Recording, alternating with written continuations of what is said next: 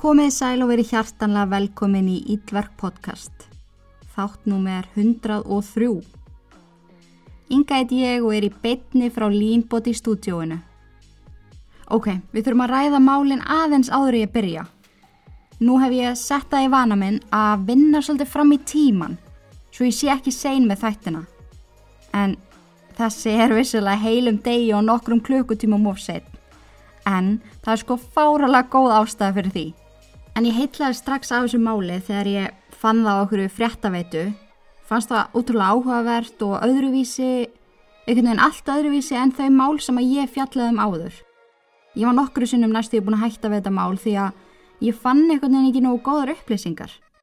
Stundum þá ger ég það þegar ég finn ekki nógu mikið upplýsingum, þá fer ég að leita á Facebook því að þar eru oft Facebook hópar uppfullur af manískum trúkremfíklum eins og mér sem hafa komið fram með fullt af kenningum og ég sótti um í einhverjum hóp tengt þessu máli. Ég var ekki staðfest inn í hópin allavega sama dag þannig að ég hætti bara svona að spá í þessu, kláraði að skrifa þáttinn og hann var alls ekki nógu langur og ekki nógu mikið upplýsingum en ég hugsaði með mig bara ok, þetta er áhugavert mál, ég segi henn bara frá þessu svona. En ángríns þegar ég var að leggja loka hönda og klippa þáttinn var ég staðfest inn í einhvert Facebook hóp sem að ég sóttu um í og það leytti mig inn á reddit þráð sem að leytti mig svo inn á einhverja laurugluskíslur og ég komst ángríns bara í gull námu af upplýsingum. Dagsetningum, smáadriðum, eitthvað sem ég hafði ekki fundið áður. Þannig ég hugsaði með mér, fuck this, ég er að fara að endur gera hennan þátt. Ég er að segja ykkur að ég tek þátt að gerð mjög alvarlega. Ég vil að þið fáið öll smáadriðin, ég þól ekki að þurfa að stikla á stóru, þannig að þið þurftu að býða aðeins lengur en þið fáið mun lengri og mun ítarlegri þátt í staðin sem ég veit að þið elskið. Þannig að ég held að við endum öll drullu sátt bara. En ég ætla ekki að tefja þetta meira. Þátturinn er í bóði Línbóti og Blöss og ég heiti Inga og þetta er þáttur nummer 103. Amy Allwine, gjör þau svo vel. Vorið 2016 fekk lauruglan í Cottage Grove í Kaliforníu frekar undalega tilkynningu inn á bortið sín. Lauruglumadurinn sem að svaraði hafði starfaðar í 20 ár og aldrei nokkuð tíman heyrt annað eins. Cottage Grove er mjög rólegu staður. Glæpatíðin er mjög lág og á þeim 20 árum sem að hann hafi starfaðana kom hann að fjórum morðum í heildina sem er frekar lítið. En 31. mæ 2016 hafði FBI samband til þess að láta vita af því að líf ákveðins íbúa í Cottage Grove væri í hættu. FBI hafði ráðið til sín hakkara til þess að komast inn á heimasíðu sem að þeir hafðu frett af en þessi heimasíða var inn á dark web og hétt Besa Mafia. Hakkarannir höfðu komist af ansi óhugnalegum upplýsingum og báðaður lauruglana í Cottage Grove að fara á heimili Amy Allwine til þess að gera henni viðvart. Heimili hennar var staðsett í útkverfi. Gatan var róleg og öllum postkossum var limmiði sem að syndi fram á stránga nágrana vörslu. Húsin í götinu voru snirtileg Garðarnir stórir og velhyrtir og bakgarðar allra húsana voru eiginlega tún þau voru svo stór. Fyrir utan heimili Amy var traktor og skildi hjakka húsinu sem að bendi viðskiptavinum á að ganga hægra megin við húsið þar til að það kæmi að öðru litlu húsi en þar fór fram hundathjálfun, eitthvað sem að Amy hafði mjög mikla áströðu fyrir. Lauruglumenninni bönguðu og til dýra kom hávaksin ljósarðu maður í kringum færtugt. Maðurinn kynnti sig sem Stephen Allwine og tjáði mönnunum að Amy væri ekki heima. Þeir sögðu Stephen að það væri mjög mikilvægt að ná tali af Amy. Þeir yrðu að ræða við hana og var hana við.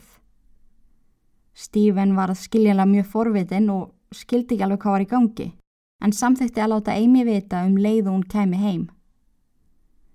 Dæin eftir 1. júni 2016 fóru Stephen og Amy saman upp á lauruglustöð. Þau settust anspænis manninu sem að hafði bankað upp á daginn áður sem að var mjög alvarlegur á svipin. Upplýsingarnar sem hann sagði hjónunum voru ótrúlegar, bókstaflega ótrúlegar. Á dark web fara fram hlutir sem að eru ekki aðgengilegir á venjulega internetinu. Þú kemst ekki auðveldlega þangað inn. Þú þart sérstaklega að kóða til þess. Þeir sem hafa aðgangið að halda út eitthvað skona rekstri þar geta byrst hluti nafnlaust og IP-adressu laust. Notendur dark web eru nokkuð skonar internet draugar eins og þetta er kallað. En þar eru seld fíknefni, vopn, stolnum verðmætum, fölsuðum skilríkjum, það fer fram mannsal, klám, barnanýð og síðan er hægt að ráða leigumorðingja í vinnu. Á þessu tímabili var vinsæl leigumorðingja síða á dark web sem að hétt Besa Mafia. Það sem að þessi síða hafði fram yfir aðrar sambærilegar síður var að leigumorðingjarnir voru einstaklingar sem að höfðu engu að tapa. Þeir máttu ekki eiga fjölskyldur og ekki heimilisfang og í raun meiri skýt sem að þeir voru í lífinu því betra.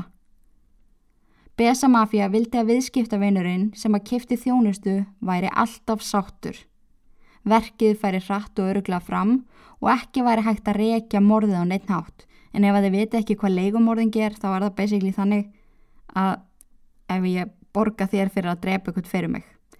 Já. En þegar fólk hafið samband við síðuna í þeim tilgangi að láta myrði eitthvað var leigumorðingi fundin sem að passaði fullkomla í verkið. Fyrirframgreðsla fór fram og morðinganum síðan greitt ef að viðskiptavinurinn var sáttur. Á fórsíðinu sáust umsagnir frá fólki og stjörnugjöf og hver viðskiptavinnurinn á fætur öðrum lísti yfir ánæðisinni með þjónustuna. 25. apríl 2016 20, Það er 25. apríl í dag. Þetta hefur gerst einu sinna áður sem að ég er að taka upp þátt á sama degi og eitthvað gerist í ykkur um máli. Mér finnst það alltaf amazing. Oh my god, já. En allan að 25. april 2016 var þessi síða hökkuð. En FBI hafði heyrt af henni og að þar inni væri langur listi af fólki sem átti að taka af lífi, af leigumorðingum.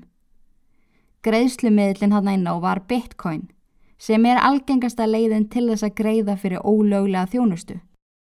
Pöntunúmer 303132 Amy Allwine 167 cm á hæð, 90 kg, leiðin hennar á hundasýningu í Illinois, hún ekur um á grænum Toyota Sienna og síðan var mynd af henni. Skelbrósandi í fríi með fjölskyldun á Hawaii. Það hafði nú þegar ykkur greitt fyrir þjónustuna af ykkurum sem kallaði sig Dog Day God. Þessi tiltækni notandi, Dog Day God, hafði fyrst samband við Besa Mafia í februar 2016 og milli notandans og síðunar voru mikil samskipti síðan þá. Fyrsta e-maili sem að Dog Day God sendi bar snemma morguns. Ég til ég að ráða legumorðinga í verkefni. Hvernig er best fyrir mig að kaupa bitcoin í miklu magni án þess að það líti grunnsala út? Besa Mafia var fljóta svara en síðan var þekkt innan gæsalappa fyrir góða þjónustu og snögg svör.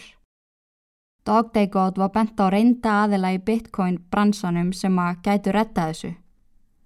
Hvernig best var að vestla án þess að gefa personu upplýsingar og hvernig best var að útskýra peningaupphæðina sem að hirfi út af bankareikningnum. Besa Mafia hafði hugsað fyrir öllu. Dog Day God þakkaði fyrir skjótsvör og góðar leiðbenningar saði svo frá því að fórnalambi yrði á ferðinni í mars til Illinois á hundasýningu og spurði svo hversu mikið að myndi kosta að ráða leigumorðingja og láta svo morði líta út fyrir að vera slis. Þau svör bárust að hægt væri að velja um þrennskonar leigumorð. Það ódýrasta væri reyndur klíkumeðlimur sem myndi skjóta fórnalambið með handbessu. Næstdýrasta væri reynd skitta sem að notaðist einni við handbessu og það dýrasta væri snæper, mjög reynd skitta sem að notaði sérstaka bissu í það og myndi þá koma sér fyrir á stað af löngu færi og væri þar með örugasta leiðin. Verði var frá 5.000 til 10.000 dólarar og síðan myndi kosta auka 5.000 dólar að láta morði líta út fyrir að vera slis eða sjálfsvík. Besa Mafia mælti með því við Dog Day God að taka ódýrustu leiðina þar sem að fórnalambi erði eitt í bíl á leið frá heimili sínu svo að verki er þið tiltögulega einfalt. Það var einni mælt með því að þann 19. mars 2016 að Dog Day God myndi umkringja sér fólki svo að fjárvista sönnun væri til staðar. Eða halda sig á okkur um ofinbunum stað þar sem að öryggismyndavilar séu til staðar. Dog Day God staðfesti kaup sín og þakkaði fyrir góðar ábendingar eins og um nýjan leðursófa í stofuna væri um að ræða en ekki morð á einstakling.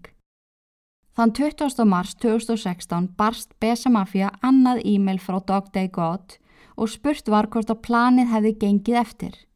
Er Amy Olwyn dáin? Besa Mafia svaraði neitandi. Legumorðingin hafði eldana en ekki fengið gott tækifæri til þess að skjóta hana. Það var svo bætt við. Kanski væri betra ef Dog Day God réði snæper. Það myndi auðvelda starfið og engar líkur á því að laurugla myndi rekja morðið til Dog Day God. Dog Day God svarar.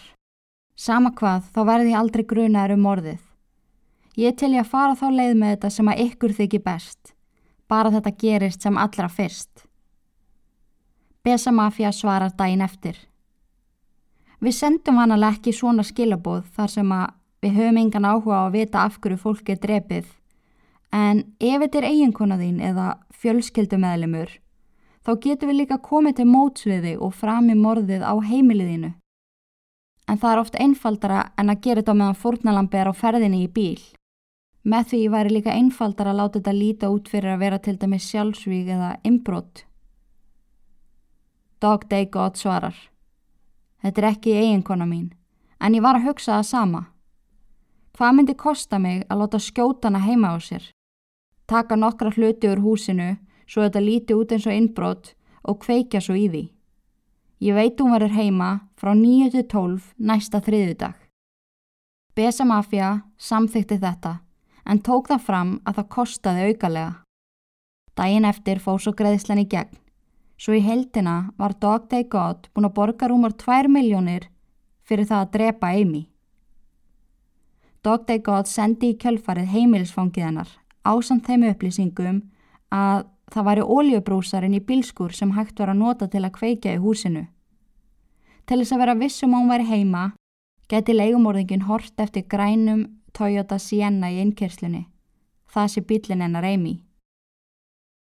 5. daginn 24. mars leið, en ennþá var Amy Allwine á lífi. Besa Mafia sendi þá. Leigumorðingin átti erfitt með að komast á húsinu óséður. Það er mikið af fólki á ferli í götinni. Mætti þetta gerast um kvöld eða nótt? Gætir þú komist að því hvort hún verði ein heima fljótlega? Dogday gott svara þá. Já, já, það er allt í góðu. Egin maður hennar fer stundum í vinnuferðir. En það er samt farið að vera mjög erfitt að þykjast líka vel við hana og spyrja hana að öllum þessum spurningum. Þetta verður að gerast en fyrst. Besa Mafia staðfæsti að morði og Amy færi fram næsta mánudag, um kvöldið. Sá tímara með leið svo hjá og enn var Amy á lífi. Í þetta skipti var Besa Mafia leigumorðingin handtekinn því hann var grepin á stolnum bíl. Það yrði því að finna aðra tímasetningu. En þarna var Dog Day God orðin vel pyrraður og svaraði. Ég áttam alveg á því að hlutir gerast og stundum ganga plön ekki upp, en ég er alveg að missa þólimaðina. Þessi tík er gjörsanlega búin að eigðilegja líf mitt. Ég get ekki meira. Ég get ekki hort framann í hana. Hún er að sofa hjá eigimannu mínum og tók hann svo í burtu frá mér. Hún er að taka viðskipti frá mér líka. Ég hef þurft að þykjast vera vinur hennar til þess að fá upplýsingar og ég geta ekki lengur. Ég er búin að gera allt til þess að verða ykkur út um góðar upplýsingar um líf hennar. Samt hefur ekkert gæst. Ég er á þeim tímapunkti að mér er nákvæmlega sama hvernig þetta er gert. Gerið þetta bara. Og sama hvernig þið munu gera þetta þá mun ég aldrei leikjandi grunn. Ef þetta er ekki búið að gerast fyrir fyrsta mæ þá vil ég fá peningi minn tilbaka. Ég veit hún verður í Atlanta á hundasýningu frá 7. til 10. apríl. Takk samt fyrir aðstöðuna með þetta.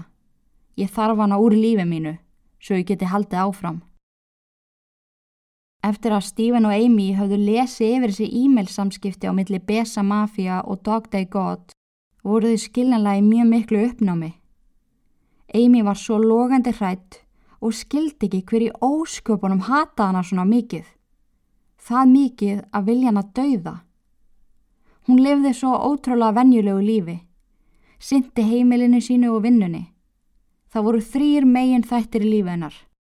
Fjölskylda, hundarnir hennar og kirkjan. Hún var alin upp á heimili trúaðra fóreldra sem aðhildust The United Church of God. Hún var miðjubarn, átti eldri sýstur og yngri bróður. Henni var kent að góðumennska var í leikillan á hamingu og það að hjálpa öðrum ætti alltaf að vera leiðaljósi. Stephen og Amy kynntust í Ambassador College í Texas. Hann kom einni frá heimili sem aðhildist United Church of God en þau kynntust í gegnum kirkustörfi í skólanum en þau völdu alltaf hvort annað sem dansfélaga í danstíma. Það var þeirra leið til þess að vera náinn því ekki móttu þeir sem aðhildust þess að trú kissast eða gefa kynferðislega aðlöðun í ljós. Svo dansin var þeirra leið til þess að vera nálegt hver öðru. Eftir útskrift flutti Stífin inn á heimili Amy og þann 11. ágúst 1996 giftuðu sig. Fjölskylda Amy dyrkaði Stífin og gaf pappi Amy dóttu sína til hans á brúkufstægin með brós og vör og baða hann að passa litlu stelpuna sína. Þau voru bæði held tekin á trúni. Þótt að The United Church of God trúði á Guð, þá er mjög margt í þessari trú ólíkt því sem við þekkjum úr kristni trú. Kirkjumæðlimir máttu bara giftast öðrum innan kirkjunar. Það var ekki haldið upp á jól og páska vegna strángrar íhaldsykju. Stephen og Amy mættu alltaf klukkutíma áður en aðtöfnin byrjaði til þess að hjálpa til og urðu svo eftir til aðstóða spjalla við aðra meðlemi og leiðbina þeim sem voru forvitnir um trúna.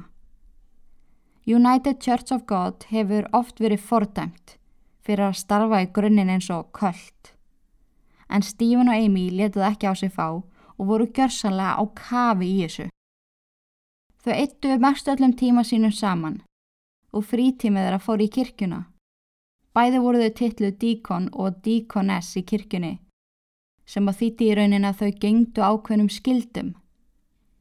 Ári eftir þau giftu sig var Stephen elder í kirkjunni, sem að ég verða viðkynna, ég veit ekki alveg hvað er, en hann fekk þau réttindi að ferðast með kirkjunni og predika um trúna. Auk þess að aðstofa gift hjón í hjónabandsörðuleikum eða hugreist að veika einstaklinga sem að láin og spítala. Þau ferðuðu spæði ótrúlega mikið tengt kirkjunni og eitt af þeirra aðalmarkmiðum var að stekka söpnuðin og dreifa bóðskapnum. Áriði 1998 ætlituðu són sem að þau skýrðu Joseph. Þau fengan í hendunar þegar hann var bara tveggja daga gamal. Þau hafðu alltaf þráða eiga batt saman, en Amy gæti ekki átt barð náttúrlega. Hinn ástriða Amy voru hundar. Síðan hún var lítið barð þá dýrkað hún hunda. Hún starfaði hjá hundaskólum og tók þátti í hundakeppnum með Australian Shepherd drakkana sína sem að unnu oft til verleuna. Hún stopnaði sinn eigin hundaskóla Active Dog Sports og þjálfaði hunda fyrir hundakeppnir. Allir sem að stundu viðskipti við hana dyrkuð hana, hvort sem að það voru hundar eða fólk. Skólinn var alltaf svo hreitt, skipilaður og flottur hjá henni að það var langu bygglisti að komast á námskeið hjá henni. Amy var alltaf skælbrósandi, hlæjandi og jákvæð. Hún og Stephen og Joseph voru hamingisum fjölskylda. Svo maður spyr sig, hver í ósköpurum myndi viljan að dauða? Amy og Stephen spurðu sig að því sama, en þeir var létt þegar lauruglan sagði þeim að þau þyrtu ekki að hafa allt og miklar ágjur af þessu því að eftir ansókna á öllum gögnunum sem að hakkararnir komust yfir kom í ljós að Besa Mafia var eitt stórt skam sem að hafði aldrei myrt neitt. Það eina sem þeir gerðu sem að var glæpsanlegt var að svindla út úr sjúku fólki peninga svo að Besa Mafia hafi svindlað á Dog Day God. En Dog Day God hafi gefist upp 24. mars 2016 og sendi þá Besa Mafia. Heyriði, ég vil fá endur greitt. Þjónustan ekkar er ekkit eðlilega ömuleg. Ég myndi vilja reyna aftur setna og kaupa þá dýrustu þjónustun ekkar, en ég þarf að sapna fyrir því. Þánga til þá vil ég fá endur greitt. Besa Mafia svaraði. Það er búið að hakka þessa síðu. Ef þú borgar ekki 10.000 dollara til viðbótar, munu upplýsingarna þín að leka til lauruglu. En þetta var rúmri viku áður en laurugla talaði við Amy. En þótt þetta hafi allt verið svindl og hún hafi í rauninni aldrei verið í lífsættu þegar að koma Besa Mafia, þá er óneitala hræðilegt að vita til þess að sé ykkur ána úti tilbúin að ganga svo langt að eiga viðskipti við leigumorðingja. Það var búið að borga 2 miljónir fyrir það að drepa Amy. En sama hversu oftu fóru yfir upplýsingarnir í e-mailunum var enginn sem að þeim datt í hug.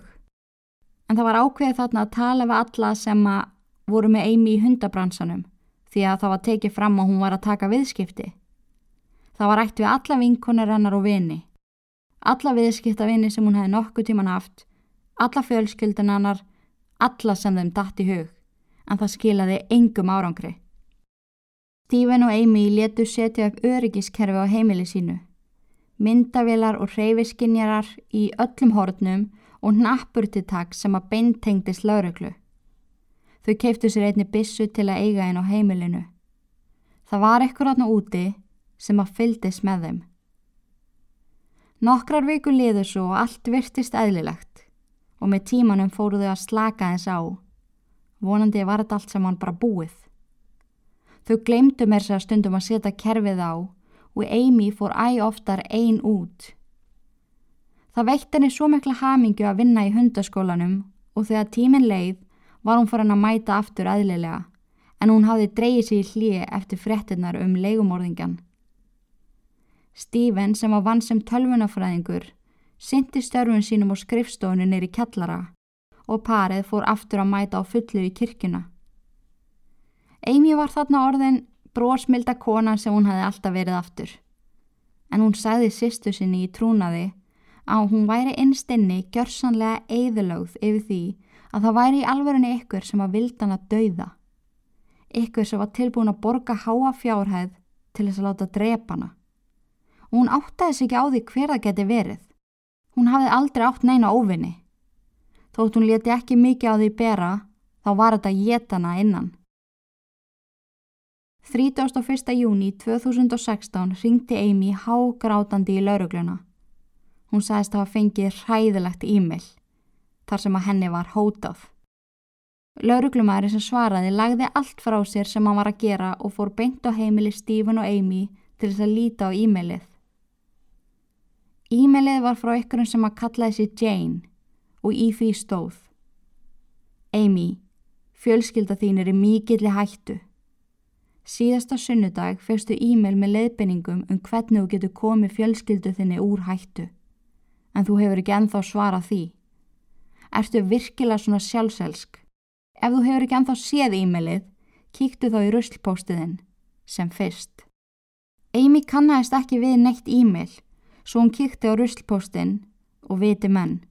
Þar var e-mail frá þessari Jane. Í því stóð. Amy, ég kenni þér alfarið um það að lífi mitt sé í rúst. Ég skil ekki hvernig feit tík eins og þú gast teki eigimann minn frá mér. En út af þér er hann farin og lífi mitt er ónýtt. Ég sendi þér þetta e-mail því það verðist sem að þú vetir af mér og ég hef tekið eftir því að þú hefur sett upp öryggismyndavilar. Ég er búin að fretta það frá fólki á netinu. Þú getur samt aldrei fundið mig því e-mailin eru óreikjanleg. En þótt þú getur aldrei fundið mig þá get ég ekki ráðist á þau beint. Svo í staðin ætla ég að taka allt sem að þér er kert. Ég veit til dæmis af seniðinum og hundaskólanum. Ég veit hvar foreldraðin er búa og sískinniðin. Ég hef líka kynnt mér að hvernig ég eigðileg bremsur á bílum Hvað myndi gerast ef að ég eigðileg bremsunar á bíl eigimanns þins eða á traktornum hans? Hugsaðins út í það. Ég sá svon þinn síðast á förstu dag. Hann var í skerfleikum ból. Lausnin við öllum þínum vandamálum er dreftu þig. Annars mun ég hægt og rólega eigðilegja allt fyrir þér. Þú munt horfa á fjölskyldu þín að deyja og það mun geta það innan að hafa ekki gert neitt til að hjálpa þeim. Þegar ég hef lokið mér af, áttu hvort sem er eftir að vilja drepa þig. Af hverju ekki gera það núna og bjarga þeim? Þetta er auðvelt val. Eitt líf í stað sex. Fjölskyldaðín þarði ekki, en þú getur bjargaðum. Ef að þú ert ekki þessi sjálfsælska feita tík sem að ég held úr sért, ætlast ég til þess að sjá minningagreinina þina í blaðinu á næstu dögum. Ekki segja neinum frá þessu e-maili. Ef þú gerir það, mun ég fretta af því. Jane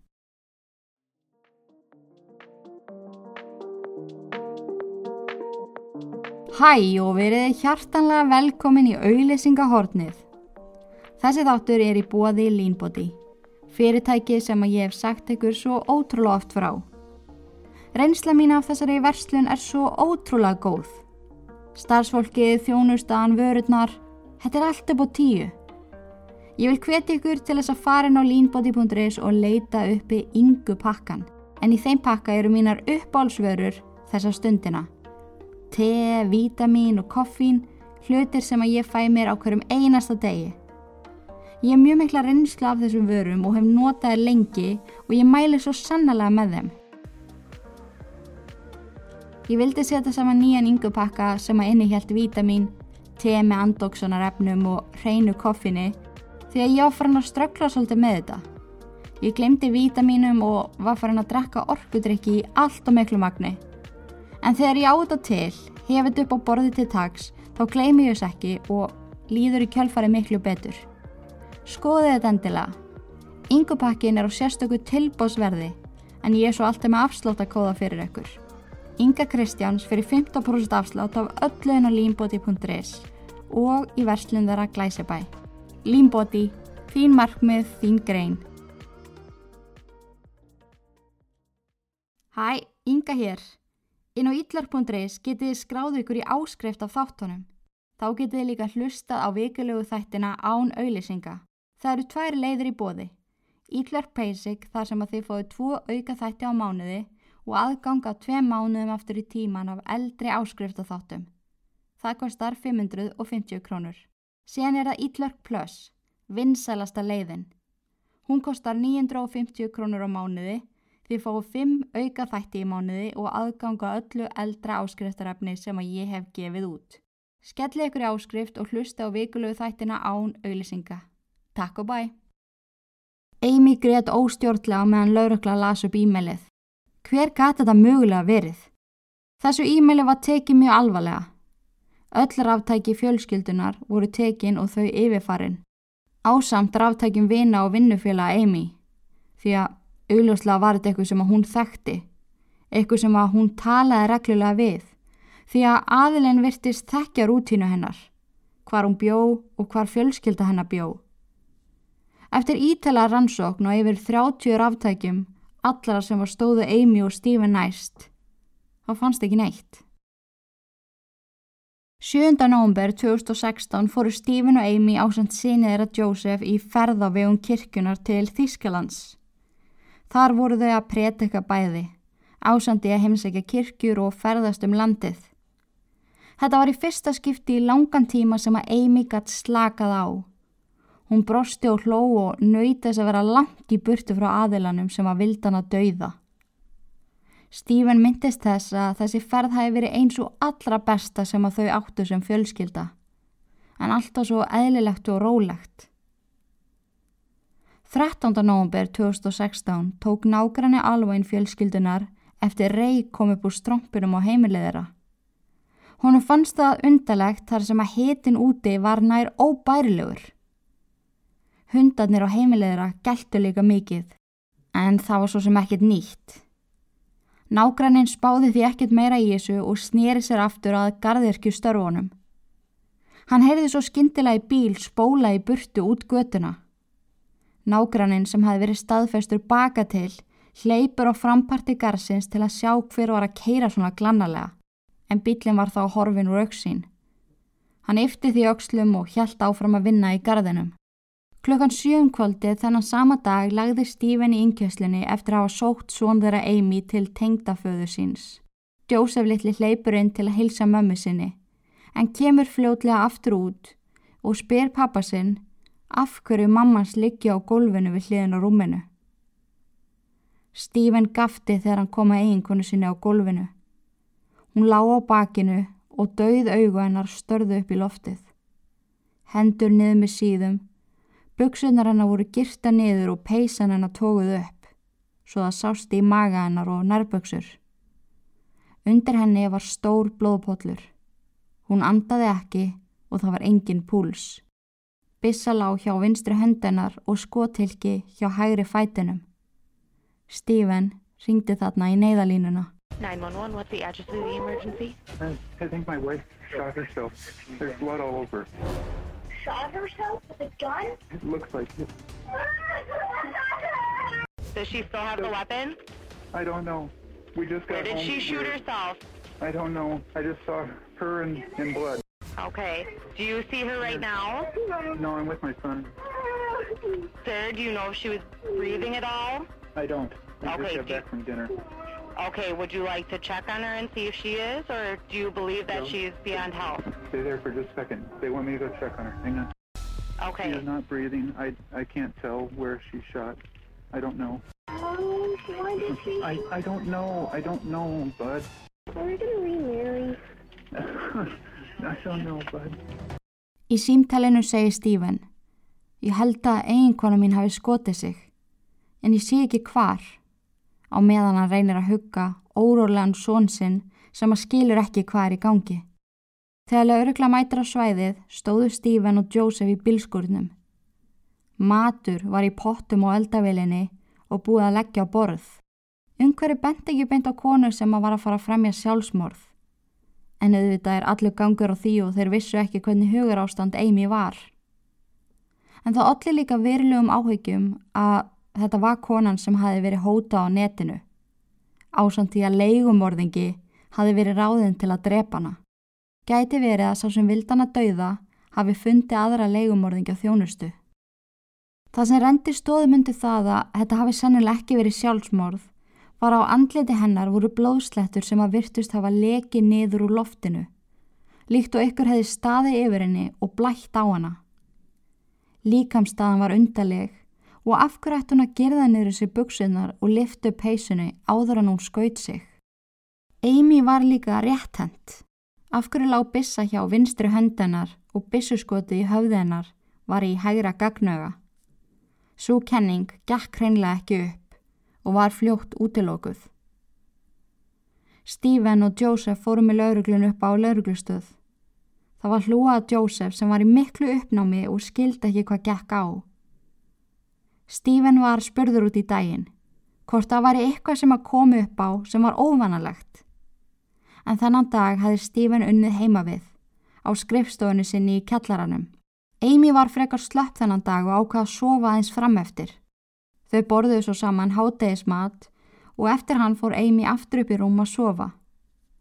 Pappennar, Amy, Charles, kom við og kláraði að setja upp hundahurð sem að leiti út í bakarðin. Charles spjallaði heilengi við Stephen áður en hann hjælt aftur heim. Hann var búin að keira rúmar þrjár mínútur í burtu þegar Stephen ringdi í hann og spurði hann hvort að Joseph mætti nokkuð koma með honum heim því að Amy hefði beðan um að fara með sig upp á spítala. Mígrinni sem hún þjáðist að var orðið svo óbærilegt að henni vantaði viðeigandi lif. Charles nýri tilbaka og sótti afastrákin sinn sem var beigði eftir honum fyrir utan. Stephen aðstöðaði Amy á fætur. Hún sá hann um að hausverkurinn var hræðilegur. Henni svimaði og hún var svo þurri í munninum. Hann googlaði einkennin í símanu sínum og varð verulega áhyggjufullur því að þau pössuðu við einkenni mannesku sem var að fá heila blóðfall. Svo allt í einu ákvaði Amy að hún vildi ekki fara á spítala. Hún væri svo þreytt að hún meikaði það ekki. En fullvisaði Stephen um að þetta væri ekki heila blóðfall. Hún hefði oft lent í þessu áður þegar hún fekk slæmt mígræni. Stephen söðaði inn í smá stund en þegar hann áttaði sig á því að hann var ekki að fara að hakka henni fór hann aftur að vinna en aðtugaði með hana á hálftíma fresti. Um klukkan 5 leta hann Amy vita að hann ætlaði að sækja Joseph. Þeir myndu kannski stoppa á leiðinni og grípa eitthvað í kvöldmatinn. Stephen stoppar smá stund hjá tengdafóruldri sínum og hann segir þeim frá heilsu Amy að hann sé með smá áhugir af henni. Rétt áður en feðgarni kveðja sendir Stephen Amy SMS og spyr hana hvort að hún vilji eitthvað að borða. Þegar hann far ekkert svar, ákveður hann að stoppa á matulustaf, borða þar með Joseph og fara svo heim.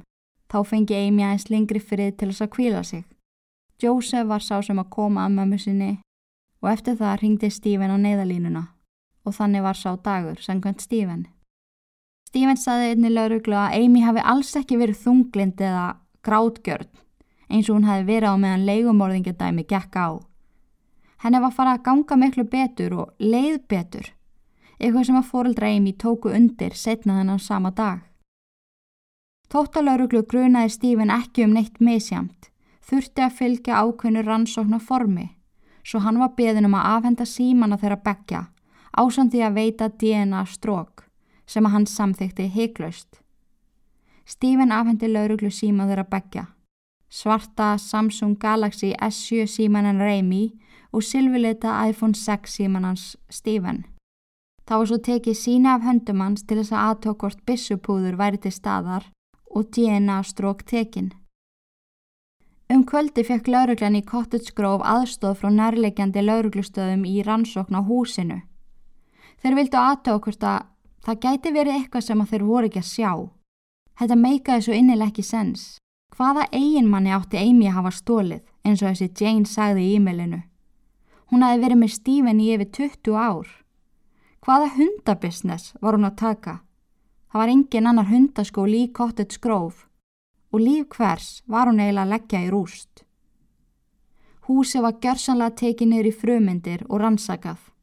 Ásandi að tveir lauruglumenn genga á milli húsa og bönguð upp á og spurðu hvort ykkur hefði séð eða heyrt eitthvað grunnsalegt. Einn nágrannana nefndi það að hafa heyrt bíl spóla í burtu og svo hafa honum fundist undalegt að sjá reik komið búr strömpinum. Hundarnir hafi gælt mikið en þeir gerðu það að vísu mjög oft.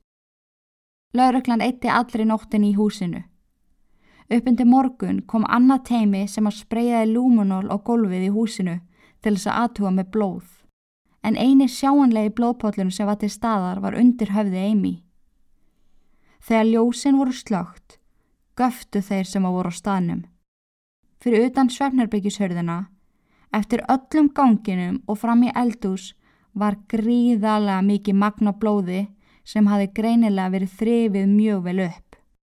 Þegar þeir kveiktu svo ljósin aftur og skoðuðu golfið var það auðljóst. Þessi tiltaknu fletir voru spotless meða við restina af húsinu en á golfinu allstaðar annarstaðar var mikið magna af hundahárum nema þarna. Það var eitthvað miklu meira á bakvið þessa sögu.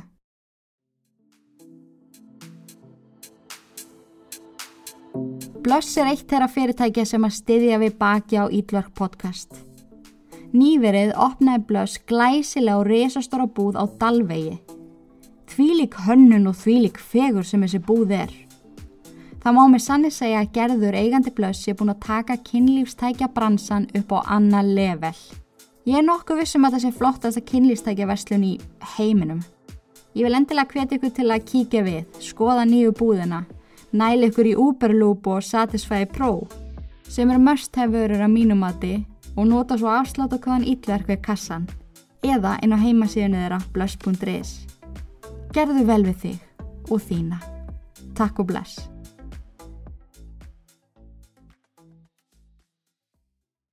Líka-Amy var flutta á líkhús og það undirbúið til krupningar. Á meðan fó laurugla aftur yfir gögnin sem að þeir höfðu upplunlega fengið frá FBI um notandan Dog Day God og ráðningun á leigumorðingja sem fóð fram og var greitt fyrir. Eitt lauruglumannana sem hafi mikla tölvuþekkingu náði sér í aðgang að dark web og fekk í lið með sér fleiri einstaklinga sem að voru aðsýrið þessu málum. Þegar notandanafninu Dog Day God var flett upp á einhvers konar upplýsingasíðu á dark web kom í ljós að Besa Mafia var ekki eina síðan sem notandin hafði heimsótt. Inn á Dream Marketplace sá skilabúð frá notandanum en Dream er staður þar sem að þú getur vestlað öll lif sem þú getur ímyndaður. Dog Day God skrifaði á vekkinn þar. Er að leita að drögdílar sem er staðsötur í Minneapolis. Vantar aðstóði ákveði verkefni. Borga með bitcoin. Svo skrifar hann aftur. Vantar að kaupa biskonomín. En það lif er taugalif og það er oft kallað zombie drug. Ef manneskja tekur of stóran skamt af því, verður nú svo sifjuð og ruggluð að hún getur valla að opna augun, valla hreift sig og man ekki neitt. Það var ekki svara Dog Day God á fyrsta postinum, en á setni, þar sem hann óskar eftir lifinu, eru margir sem að vara hann við því. Úf, þú skalt passa þig á þessu lifi. Myndi ekki nota það eða byrla ykkurum nema á sér tilbúin að taka afleðingunum. Þetta lif drepur fólk hægra vinstri. Annar notandi svarar honum með upplýsingum um sala, en varar hann líka við. Þetta lif lætu fólk vera svo rugglað að það væri vel hægt að ræna úr þeim nýrónum og þau myndu ekki fatta neitt. Farðu varlega. Þegar þessar upplýsingar komi í ljós um að Dog Day God hafi óskað eftir lifinu, var hringt í kröpningalæknin og hann beðin um að leita sérstaklega uppi þetta lifi í blóði Amy. Hann var fljótur að sjá að hún hafi greinilega innbyrt 40% of stóran skamt af því. Stephen helt áfram að ræða við laurugluna. Hann reyndi að veita allar þær upplýsingar sem hann mögulega gatt. Hann svaraði öllum spurningum samversku samlega. Ég hef ekki hugmyndum blóða á ganginum. Ég þekki þau darkveb ekki neitt. Ég skil bókstala ekkert hvað er í gangi þarna. Þegar lauruglan spurði hann svo hvort hann væri alveg 100% vissum að Amy hafi aldrei verið honum ótrú, hvort það geti mögulega verið fyrrum eiginkonu á eftir henni, var Stephen niðurlútur. Hann dró djúft andan og sagði nei. Amy var mér aldrei ótrú, en ég var henni ótrúr. Ég var með konu sem heiti Michelle. Ég kynntist henni á síðu sem heitir Ashley Madison, síða sérstaklega fyrir gift fólk. Slókaniðin á síðun er Life is short, have an affair. Fyrst fóruðangað bara til að forvitnast, en þegar hann kynntist Michelle var ekki aftur snúið. Þau byrjaði að hittast í oktober 2015. Hann hitt hann alltaf meðan Amy ferðaðist út af hundaskólanum. Þau borðuðu saman, fóru í gunguferðir, stunduðu kynlíf. Hún er dásanleg, sagðan. Michelle var svo þakklátt fyrir hann. Sjálf var hún gift manni sem að krafðist þess að hjónabandir að væri opið. Hún var kvekt og stressuð því að eiginmaður hennar átti það til að snappa. Henni fannst hún örug með Stephen og sagði hann það nær dælega. En hún vissi líka allt um Amy og Joseph son þeirra. Þótt að þau hafi oft rætt fjölskyldu Stephen, þá sagði hann henni aldrei frá kirkjunni, trúni og þeim störfum sem að hann syndi þar. Michelle kom staði sjálf eftir að googla hann. Það kom henni verulega óvart þegar hún sá mynda honum inn á síðu The United Church of God. Hann var í predikari og meðlemur til margra ára. Hún kynnti sér einni kirkjuna. Hvernig þeir sem aðhildust þessari trú litu á skilnað sem synd og kynlíf utan hjónaband sem synd. Hún fann hvernig vonin um að Stífin erði hennar, dvínaði og eftir að hún komst að þessu fór samband þeirra líka dvínandi. Þau heldur samt áfram að hittast, borðuðu stundum hátægismat saman og heyrðu stundum í síma. Í april 2016 bauð Stífin henni heim til sín og meðan Amy var í burtu í vinnuferð. Þau stunduðu kynlíf í rúmunu sem að Stífin deldi vanalega með Amy. En þetta var í síðasta skipti sem að hann og Michelle eittu tíma saman í langan tíma. Eftir þetta voru það SMS og símtöll. Nokkru mánuðum síðar, eða í oktober 2016, hittust þau í hátægismat. Hann sagði Michelle frá heimsókninu frá FBI að ykkur hefði ráði leigumorðingja til að drepa Amy. Hann sagði henni hversu hrætt hún væri og hversu mikil áhrif þetta væri að hafa fjölskylduna. Michelle sagði skilja það vel og spurði hann hverju ósköpunum myndi gera svona lagað. Eftir að Stephen hafði sagt lauruglunni allt, var hann um létt. Það hafði vegið þungt á hann að halda þessu framíhals leindamáli leindu. En lístu þessu sem stuttu flingi, ekki ástasambandi. Svona lagað þekktist ekki í Cottage Grove. Þetta mál var það förðulegasta sem hafi nokkuð tíma komið inn á bort til lauruglunar. Morð er eitthvað sem að gerðist ör sjaldan. Darkweb, leigumorðingar, bitcoin. Þetta var allt svo nýtt og engin myndi eftir því hafa nokkuð tíman rannsaka mál sem að tengdist ykkur af þessu. En, eftir að fara vandlega yfir öll gögn aftur, poppaði upp ákveða atvek hjá lauruglinni. Þeir höfðu einu sinni rannsaka bitcoin-mál áður. En í mars árið 2016 þá kom ykkur inn til lauruglu og sagðist hafa lent í bitcoin svindli. Núna væri há upphæð horfina reikningnum og hvort það væri eitthvað hægt að gera. Það eina sem vita var um bitcoin svindlanan var að hann hétt Mark. Lauruglan sem að þekkti ekki mikið til bitcoin, nýja hvernig það virkaði, sagðist alltaf skoða málið. En svo dói þetta mál bara út og manneskjan kom ekki aftur til ít og eftir því. En núna gæti þetta skipt máli. Þar sem greiðslunar frá Dog Day God voru að fara í gegn á sveipu um tíma og manneskjan kom og tilkynnti um bitcoin svindlið. Flett var upp skýslunni sem var gerð í mars 2016 og nafnið á einstaklingnum sem að lendi í bitcoin svindlinu var Stephen Allwine. Á nokkru mínútum fór Stephen í fyrsta sæti yfir grunaða á morðin á Amy, eiginkonu sinni. Hann var krafin um að afhenda ráftæki sín eina ferðin enn. Með tilliti til þess að hann var tölvinafræðingur. Ef hann vildi fel eitthvað, þá kunna hann að fela það. Í fyrirskoðun var skoða allt mjög grönt, en í þetta skipti var grafið djúft. Eftir nokkra daga með MacBook Pro tölvinans kom í ljós leita á internetinu, hvernig best var að búa sér til aðgang en á dark web. Svo var hlaðinuðu forriti fyrir Acer tölvu, tölva sem að Stephen hafi greinilega ekki afhengt lauruglu. Það fannst einni leitar orði við bitcoin, hvar væri hægt að nálgast það og hvernig það virkaði. Hann fletti einni upp korti með leiðina á hundasýninguna sem að hann svo teiknaði inn á, en þetta kort var nákvæmlega það sama og Besa Mafia fekk sendt. Á sama tíma og hann var að leita af þessu korti, sótt hann ljósmynd af Amy.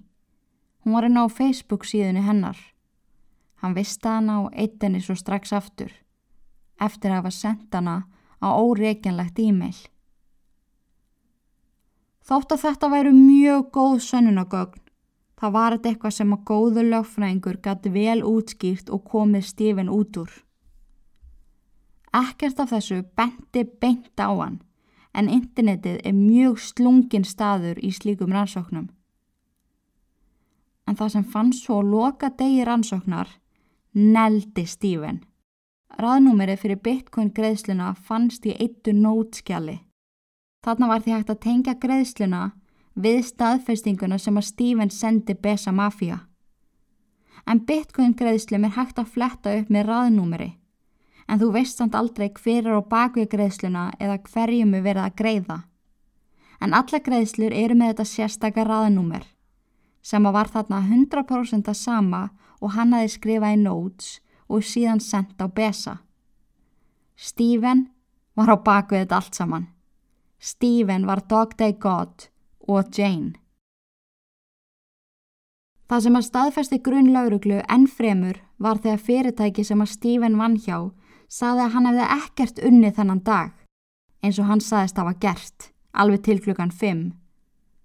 Öryggiskerfið á heimileðra síni líka fram á að enginn komin á heimilið og meðan hann var í burtu að sækja svonsinn, eins og hann reyndi að láta þetta líti út. 20. janúar 2017 var Stephen handtekinn. Það tók heilt ár þar til að réttahöldin fór af stað, en á meðan satt hann í fangelsi. Hann reyndi ítrekka að hafa sambandi tengdafóruldra sína og svonsinn og skildi ekki af hverju þau vildi ekki tala við hann. 23. janúar 2018 fóru réttahöldin af stað. Hann var dæmdur fyrir að byrklenni lefinu, fyrir að myrðana, fyrir það að reyna að ráða leigumorðingja fyrir það að ljúa og tefja störf lauruglu. Eina ástæðan fyrir þessu var að hann vildi ekki lengur vera giftur Amy. En ekkert var honum mikilvægra en staða hans í kirkjunni. Ef hann myndi skilja, er hann rekin úr kirkjunni og hann myndi ekki fara til himna. Stephen síndi engin viðbrögð eða tilfinningar öll réttahöldin. Honu virtist nákvæmlega sama. Hann virtist ekki sjá eftir neinu. Það var þölið upp sönnunagögnin gegn honum, blóðugu fótsporun á ganginum, blóðið sem var þrifið upp, fötinan sem hann brendi í arninum eftir að hafa myrtana, Bitcoin sölumadurinn staðfesti að Stephen var sá sem að hitta hann. Fjöldin allur af kynlífstarfsmönnum stegu fram eftir að hafa sé myndri á honum í blaðinu. Hann hefði verið viðskiptavinur í mörg ár, laungu á hann þetta gerðist allt saman. Allt sem hann hafi gerst og falið í allan ennan tíma, engin viðbröð frá honum. Það eina sem hann ældi út úr sér var að hann elskaði Amy og hann var í saklaus.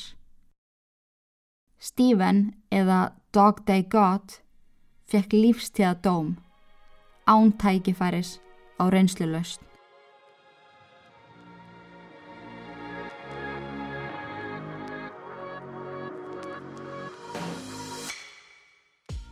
Vá, þetta, þetta er á nefa eitt rugglaðasta mál sem að ég hef kynnt mér. Ég er svo feina að hafa ákveða að gera þáttinn aftur með öllum nýju gögnunum. Það er svo mikið að það sem kom fram sem að ég var ekki búin að finna neitt um fyrst. Svo enn og aftur, sorry með senkunina en ég get fullið að segja ykkur um að þetta var allt þessi virði. En þánga til næst. Takk kærlega fyrir að hlusta.